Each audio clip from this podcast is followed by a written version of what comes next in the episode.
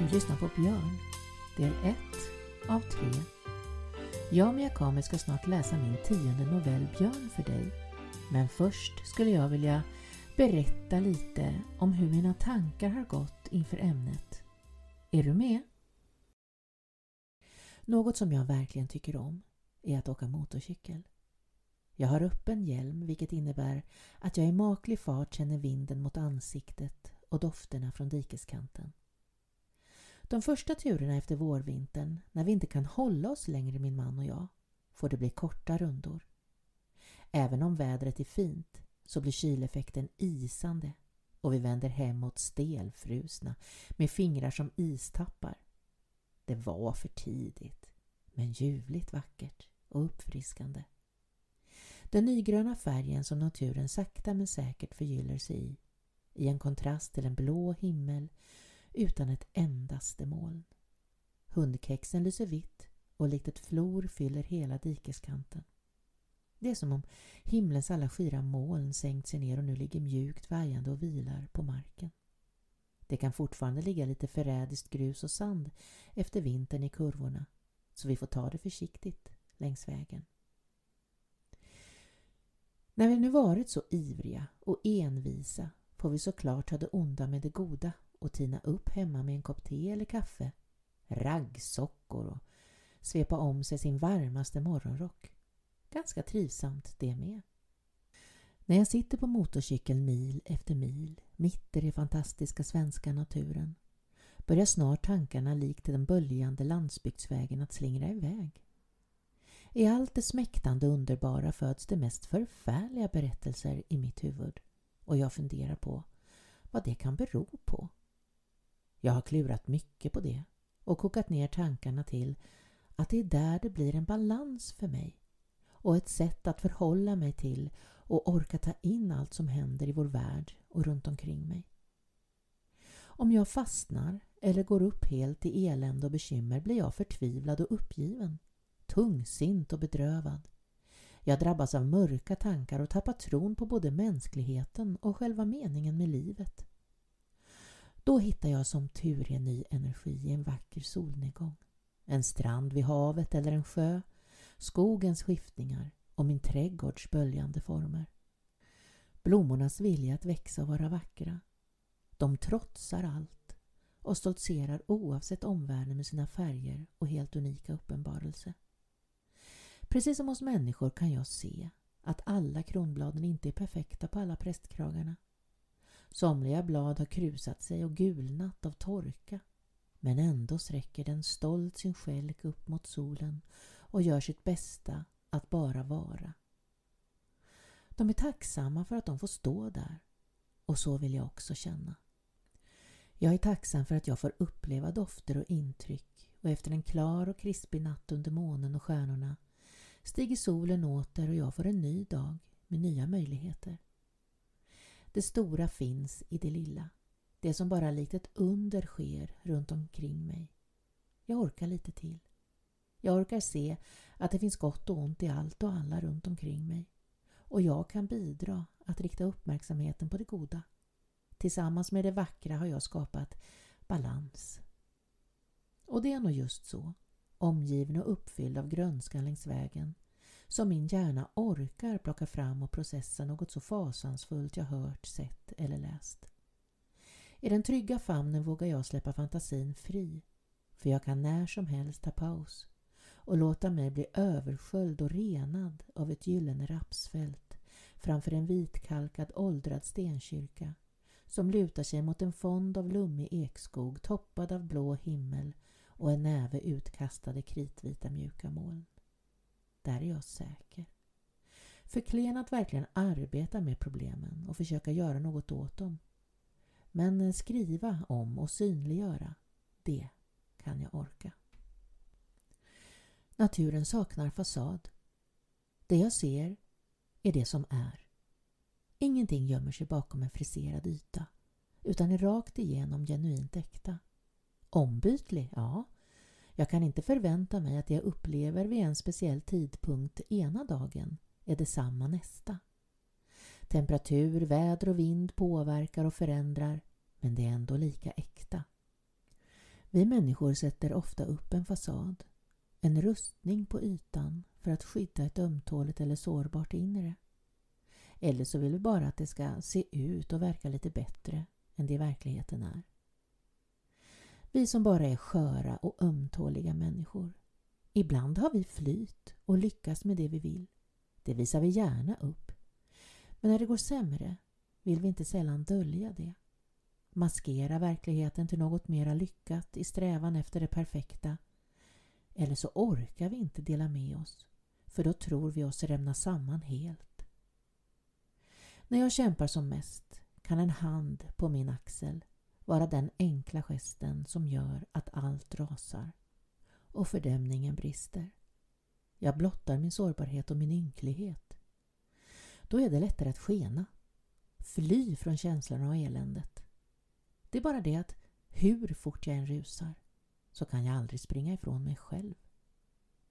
Många saker kan vara en fasad, en klädstil, keps eller smink, musik, idrott eller skinnet täckt av tatueringar. Det kan också kännas som en tillhörighet av något slag. Men en fasad är det, i någon form. Inget ont i det. Det kan vara bra, men visst är jag en annan när jag drar mig tillbaka till min trygga håla för att hitta kärnan som är mitt innersta jag. Jag har upplevt tvärtom också. När någon inte ser annat än det dåliga, tråkiga och fula i sitt liv och har fastnat i det. Skriker ut och trumpetar till alla som orkar lyssna. Men ingenting är alltigenom uselt. Det finns alltid lite av varje i var människas liv om vi bara stannar upp och riktigt tittar efter. Det är nog något vi kan räkna med och det är ofta i de små stunderna som det läkande ligger. I det överraskande vackra eller små braigheter som kan uppenbara sig när vi minst anar. Då ska vi vara uppmärksamma på det och samla på sådana ögonblick.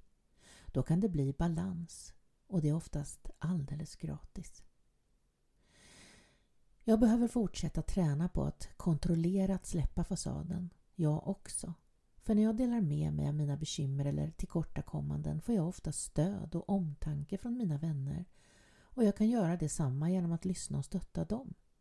Vi blir tåligare tillsammans och vi inser att det är omöjligt att vara bra på allt och att vi inte behöver vara det heller.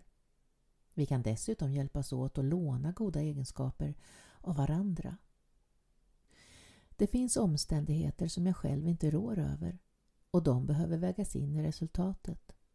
Det är bortom min kontroll. Men jag kan fortfarande göra mitt bästa, vilket är tillräckligt. Jag har funderat på att tatuera in just det ordet i skinnet så jag alltid ska bli påmind om det. Tillräckligt. Enough is enough och det duger gott. Jag som fortfarande lever med sviterna från återkommande utmattning behöver vara snäll mot mig själv och inte driva mig tillbaka i gamla hjulspår hur lätt det än skulle vara. Kraven är höga runt omkring mig. Jag vet vad som krävs för att lyckas. Behoven är eskalerande och känslan av att inte räcka till och att allt hänger på mig är ständigt närvarande.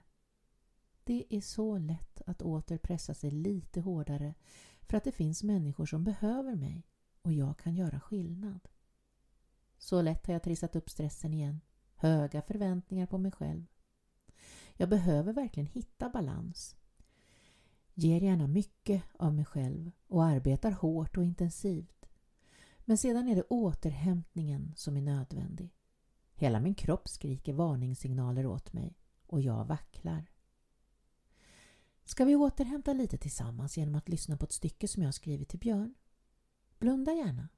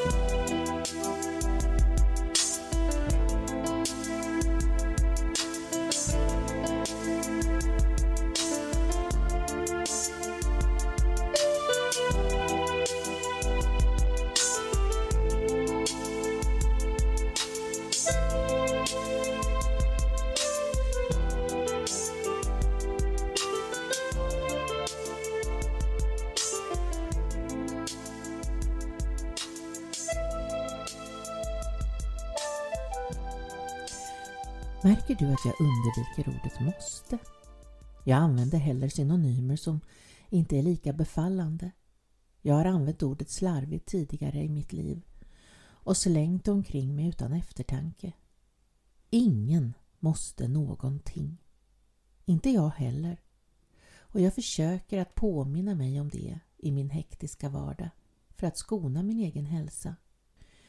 Jag använder inte ordet till mina elever heller, som jag säkert gjort tusentals gånger genom åren.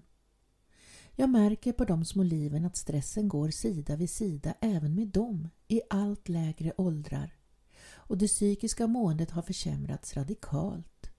Alla pratar om det. Vården är tyngd inför det växande behovet av hjälp och ändå verkar ingen riktigt fundera på vad det är som är orsaken till det. Jag tycker det är enkelt. Mängden intryck som våra stenåldershjärnor utsätts för i vår digitala mediatäta värld är galen. I den karusellen ska den lilla människan förhålla sig till så mycket och samtidigt inte gå vilse utan hitta sig själv.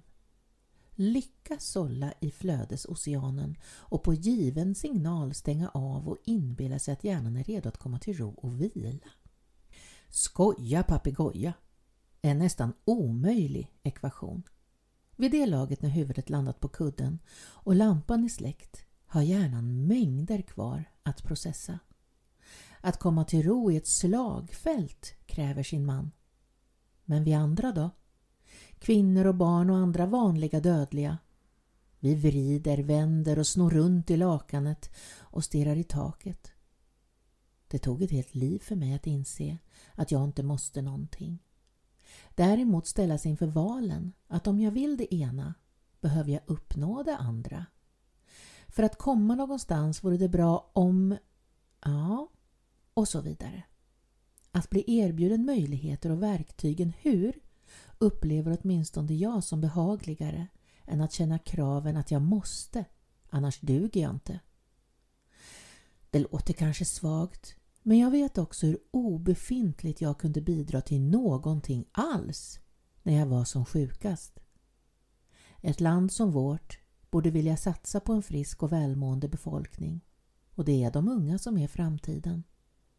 Jag känner med barnen och det är kanske inte så konstigt att jag ibland nästan kompenserar sönder mig. Och nu håller jag den där fasaden som jag pratade om förut att jag inte skulle. Jag kan inte visa för ett barn att livet de lever i sina familjer är skadligt. Jag säger inte rakt ut till föräldrar att deras sätt att sköta sin föräldraroll är fel. Jag får inte avslöja mina åsikter hur som helst. Där och då ska fasaden vara professionell. Däremot kan jag visa gott föredöme och komma med goda förslag. Jag kan uppmuntra och försöka peka på alternativa vägar. Ingen skulle dock vara beredd att minska på teknik och innovation. Kanske inte ens jag själv. Men jag har två ben att stå på och med det andra behöver jag söka efter en motvikt och hitta balans till allt som skenar runt omkring mig. Ett annat tempo och ett annat uttryck. Det kan gå att leva jämsides med draken om jag fokuserar lite mer på den riktiga världen. För mig blir det naturen. Vad vädret kan få mig att känna om jag stannar upp och låter mig uppfyllas av det och lyckas tränga undan allt annat för en stund. Fasaden rämnar och det går rakt in. Jag måste vara skyddslös inför upplevelsen för att uppfyllas av den. Jag blir drabbad och helad. Och mitt innersta väsen känner sig inte hotad av det. Bara hel. Ibland finns det mycket att dölja för omvärlden. Björn, till exempel, känner att han måste det. Ingen får veta vad som döljer sig bakom väggarna i hans lilla imperium, för då skulle allt gå förlorat. Såklart vill de som ägnar sig åt förbjudna aktiviteter och brottslig verksamhet dölja det och undkomma upptäckt. Men det är inte dem det handlar om den här gången. Det är livshemligheter som man tror att andra skulle döma en för. Skammen och rädslan för att inte vara som alla andra. Ha det annorlunda. Och det kan variera mycket. Lustigt egentligen, eftersom allt runt omkring oss går i cykler och allt är föränderligt. Varför kan inte vi förhålla oss till samma skiftningar som naturen gör och som vi uppskattar? Ingens liv går som på räls. Det går upp och det går ner. Fort ibland och sakta eller fullkomligt stiltje vissa perioder. Bakom fasaden finns säkert något som lurar och skaver hos alla, även om jag inte ser det. Säsongen tickar vidare. Motorcykelturerna blir ljumma och mustigt gröna. Floran och dofterna förändras undan för undan obemärkt lite i sänder och snart står råg och vete solmoget gult och vajar. Skördetiden närmar sig och snart blir det kyligt igen framåt kvällen. Trädens förvandling till gult och rött. Luften blir friskare att andas och syrsornas sång om kvällen är alldeles öronbedövande. Hör!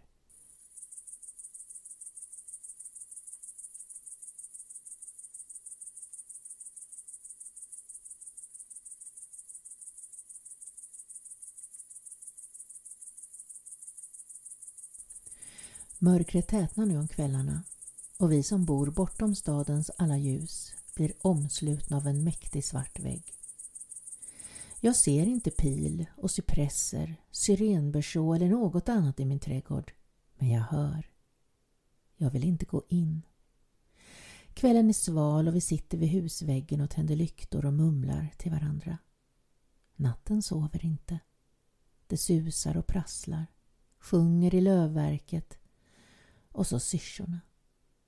Det är nästan öronbedövande. Jag ser inget bakom en skyddande fasad av mörker. Ändå ruvar inga hemligheter där. Det jag hör är det som är, äkta och sant.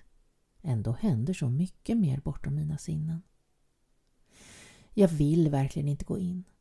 Jag måste inte gå in. Vilar även här, vid husväggen. Får balans genom att dra djupa andetag av den kyliga nattluften. Här vill jag leva alla mina dagar.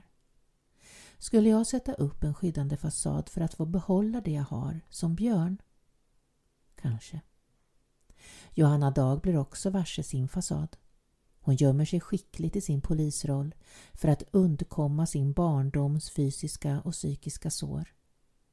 Lär sig den hårda vägen, precis som jag, att det inte är så svart eller vitt. Vi är en person framför fasaden vi byggt och format åt oss själva och en annan bakom.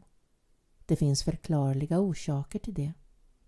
Fasaden är ett skydd, en åtgärd för att få behålla det jag håller högt och inte vill förlora.